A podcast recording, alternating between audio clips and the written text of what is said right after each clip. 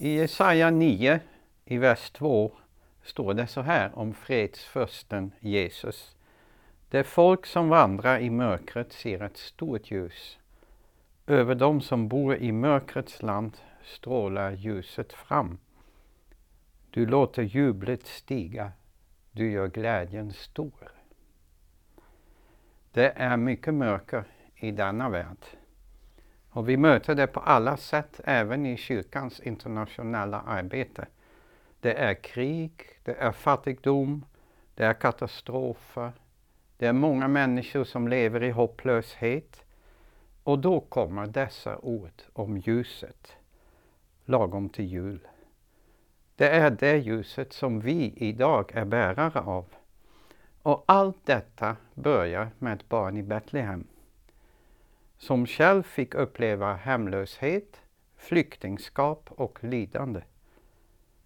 Världen kom till honom då han föddes. Både fattiga herdar och rika och visa män från fjärran land. Och där i Betlehem tändes ett ljus i världen som inte ens döden kunde släcka. För efter långfredagen så blev det påsk. I vår internationella mission ser vi hur hoppets ljus tänds och sprider sig. Barn kan gå i skolan högt upp i andarna och få en framtid. Skogar och miljön återställs i Kongo och livet blir drägligare för de som lever där från landet. Människor som hör hoppets ord och fattar mod att utöva sin tro i Centralasien och så vidare. Vi tillsammans bär ut ljuset från Betlehem in i vår värld, nära och långt borta. Tillsammans som Jesus sändebud i världen.